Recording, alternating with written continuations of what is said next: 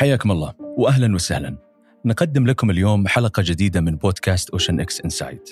في حلقات برنامجنا راح نناقش كل ما يهم القطاعات الإدارية والاستشارية والمال والأعمال خلال حلقات بمشاركة خبرات متخصصة بمختلف المجالات. وأكيد نسعد بمشاركة مقترحاتكم عن مواضيع حلقاتنا القادمة. كثير منا يصحى لدوامه متأخر. إما تأخذك السهره بالليل أو النومه ما تكفيك وتتعبنا الزحمة بالطريق ومعاناة البحث عن موقف للسيارة. لهذا السبب ينصح عبد العزيز صاحبه خالد على الانتقال لمقر شركتهم الجديدة اللي انتقل لها عبد العزيز قبل سبعة أشهر عشان يحل مشاكل الوصول المتأخر بشكل متكرر للعمل. لأن عبد العزيز ريح باله من مشوار الدوام بعد هذه الخطوة ولم يصبح الاقتطاع من راتبه نتيجة التأخير في كل شهر. وعلى النقيض أصبح يترك سيارته في كثير من الأحيان ويتوجه لدوامه بالدراجة أو بأحد وسائل النقل العام وأحيانا سير على الأقدام. بمشوار لا يتجاوز العشر دقائق يكون على رأس عمله وبكامل طاقته دون أن ينهك أو ينفعل في زحام الطريق. مو بس كذا كمان بشكل تلقائي ويومي بمجرد خروجه من المنزل يفعل الهاتف الذكي لتحديد المسار الأفضل والأسرع للوصول لمقر عمله. ولم يصبح تناول الفطور أو الحصول على كوب من القهوة الصباحية اللذيذة اللي يفضلها عبد العزيز عائقا عن الالتزام بموعد الدوام. فبمجرد خروجه من المنزل يتواصل معها المقهى المفضل لديه بشكل تلقائي لتجهيز الإفطار المعتاد أو القهوة الصباحية المفضلة لحين وصوله إلى موقع المقهى. ليستلمها بشكل فوري ويستكمل رحلته إلى العمل بدون أي تأخير ويندفع ثمنها تلقائيا من حسابها الائتماني المسجل لدى المقهى. وفي يوم استبدلت رسالة الخصم مقابل قيمة القهوة والكعكة الشهية اللي تحمل اسمه برسالة من المقهى. كل عام وأنت بخير. ليتذكر أنه صادف يوم ميلاده لأول مرة في المدينة الجديدة اللي انتقل للعمل لها مؤخرا واللي تسخر التقنية لخدمة كل من يقطنها في كل خطوة يخطوها بما يضمن جودة ورفاهية الحياة. هذه المدينة أو القصة السابقة ليست مجرد درب من الخيال. كلنا نتمنى نكون مثل عبد العزيز لكن مثل هذه الصورة بتكون واقع ملموس ومتواجد بالفعل إذا كنا نعيش في مدينة ذكية واللي تكفل مستوى متميز من جودة الحياة. وتعمل المملكة على إتاحة نماذج منها بشكل موسع في إطار استراتيجيتها ورؤية المملكة 2030 وإذا تبون تعرفون أكثر عن المدن الذكية فاسمحوا لي أنا عبد المجيد بامنيف أن أصطحبكم في حلقتنا بجولة عن المدن الذكية. المدن الذكية واللي تشير في تسميتها عن تميزها بالذكاء. الذكاء اللي ما صار يقتصر على البشر فقط مثل ما يظن البعض بل وصل لتطبيقات كثيرة جعلتها سمة مميزة. ولهذا راح نبدأ حديثنا بوصف المدن الذكية. وهي المدن اللي تعتمد على تقنية المعلومات والاتصالات في كل شيء بداية من الأساسيات والبناء وحتى الخدمات والمنشآت. كل ما فيها ذكي وموظف من خلاله أحدث التقنيات اللي تسهل الحصول على الخدمات بصورة متطورة وتضمن جودتها. الجودة اللي تشمل الكفاءة التشغيلية ومشاركة المعلومات مع الجمهور وتضمن رفاهية المتعاملين والساكنين. لأن الهدف الرئيسي للمدينة الذكية بجانب تحسين جودة الحياة للسكان هو تعزيز النمو الاقتصادي نتيجة توظيف واستخدام البيانات اللي توفرها التقنيات واللي تنتشر في هذا النوع من المدن. وإذا كنا اليوم بنختار أماكن السكن أو الحياة بناء على المساحة الملائمة للمتطلبات أو الموقع المميز أو توفر الخدمات فالحاضر والمستقبل القريب يبشر بأن المعايير ستتغير وستكون مختلفة وتضم عناصر أخرى مثل معدلات جودة الهواء والمياه ومعدلات التلوث المنخفضة وسهولة الحركة المرورية وتوفر التقنيات الحديثة مثل إنترنت الأشياء والحصول على الخدمات بشكل رقمي وفوري وغيرها من السمات اللي تضمن جودة الحياة في المدينة الذكية. وبناء على الدراسات حددت ثمانية معايير حتى يطلق على المدينة الذكية بهذا الاسم. منها الحكومة الذكية والمباني الذكية إضافة إلى البنية التحتية والتقنية والرعاية الصحية الذكية. وإذا كانت المدينة تحقق سمتين إلى خمس سمات من هذه المعايير تصنف بأنها مدينة صديقة للبيئة. وإذا حققت أكثر من خمس سمات يطلق عليها مدينة ذكية. وممكن يتبادر إلى ذهننا إذا كانت المدن الذكية توفر كل هذه المزايا لضمان جودة الحياة فيها. فكم راح تكون تكلفة إنشائها؟ تختلف التكلفة حسب مساحة وحجم وطبيعة المدينة ومدة الإنشاء والتقنيات المستخدمة. لكن عادة ما تكون قيمة تمويل إنشاء مدينة ذكية مرتفعة للغاية ومكونة من سبع خانات على الأقل. ودليل على ذلك خصصت وزارة التنمية الحضرية بالهند 105 مليار دولار لتطوير 100 مدينة ذكية خلال 20 عام. واستثمر بيل جيتس وشركته الاستثمارية 80 مليون دولار لبناء مدينة ذكية في ولاية أريزونا وكنموذج عربي مشروع دلاين بمدينة نيوم بالمملكة واللي تتراوح تكلفة بنيتها التحتية ما بين 100 إلى 200 مليار دولار كما أعلن عنها ولي العهد الأمير محمد بن سلمان. ومثل هذا المشروع يعمل على تمويل حكومي وبدعم من صندوق الاستثمارات العامة والمستثمرين المحليين والعالميين بمدينة نيوم ويصل حجم استثماراتها 500 مليار دولار على مدى عشر سنوات أعتقد أن الحالة المعيشية لعبد العزيز أصبحت أقرب مما نتوقع ولكن هل أنت مستعد لهذه التجربة والسكن في مدينة ذكية؟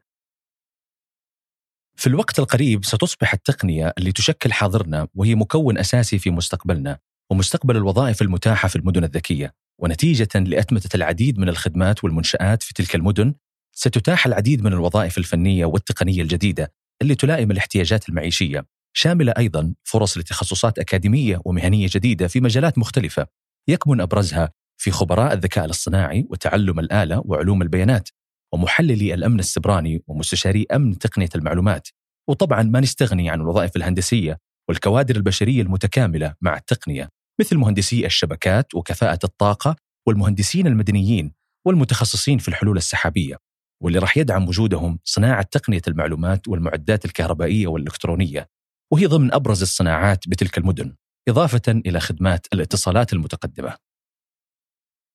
وبعد ما عرفنا من عبد العزيز عن مشوار الدوام يمكن يكون هذا العامل الأساسي لكثير منا في قرار اختيار مكان السكن خاصة في المدن المزدحمة والعواصم اللي تكون الكثافة السكانية عالية فيها.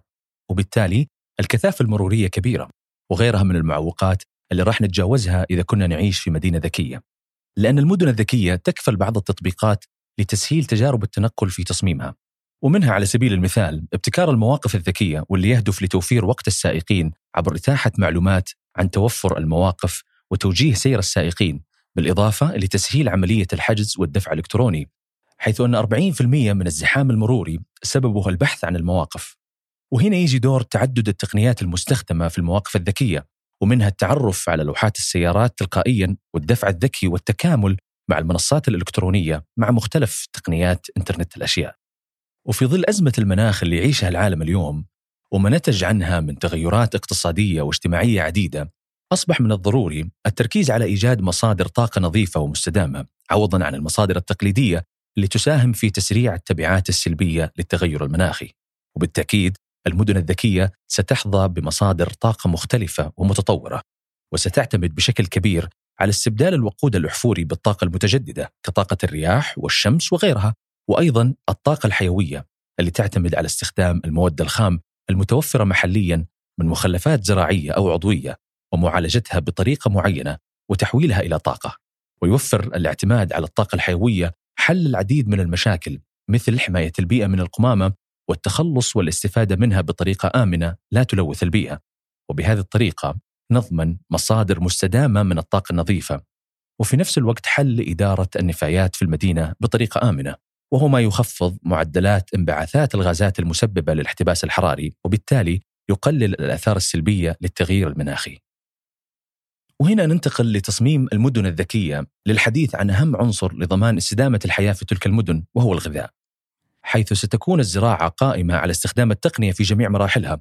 ومن أبرز التطبيقات التقنية في المجال الزراعي هي الروبوتات والدرونز اللي تعمل على رصد المحاصيل وتقييمها وتصوير الأراضي الزراعية وقياس مكونات الهواء إضافة إلى رش المحاصيل بالمبيدات بشكل آمن وتلقائي. ومن أبرز ابتكارات المدن الذكية أيضا مصابيح الشوارع المزودة بأجهزة استشعار بيئية تستخدم لمراقبة تلوث الهواء ودرجة الحرارة وأماكن وقوف السيارات حيث يتم توصيل كل عمود إنارة محسن بشبكة ألياف ضوئية يعمل بشكل كلي كنظام عصبي مركزي للمدينة الذكية. ولا يزود النظام المدينة بضوء للشوارع فقط بل يولد بيانات غنية عن الأداء البيئي والاجتماعي. وبحسب تقرير أوشن إكس ترتكز المدن الذكية على ثلاث أهداف رئيسية لتحقيق التنمية المستدامة. الهدف الأول تعزيز جودة الحياة وجوانب الحياة اليومية للفرد. حيث تطمح المدن الذكية بخفض 30% من معدلات الجريمة و40% من وقت البحث عن موقف للسيارات وتقليص نسبة الحوادث لما يصل إلى 20% والهدف الثاني تحقيق الطموحات الاقتصادية. من خلال تشجيع الأعمال وضمان ما يكفي من الوظائف لتشكيل اقتصاد صحي. فمن المتوقع أن يتم استحداث 50 ألف وظيفة في مجال الاقتصاد المعرفي. والهدف الثالث الاستدامة.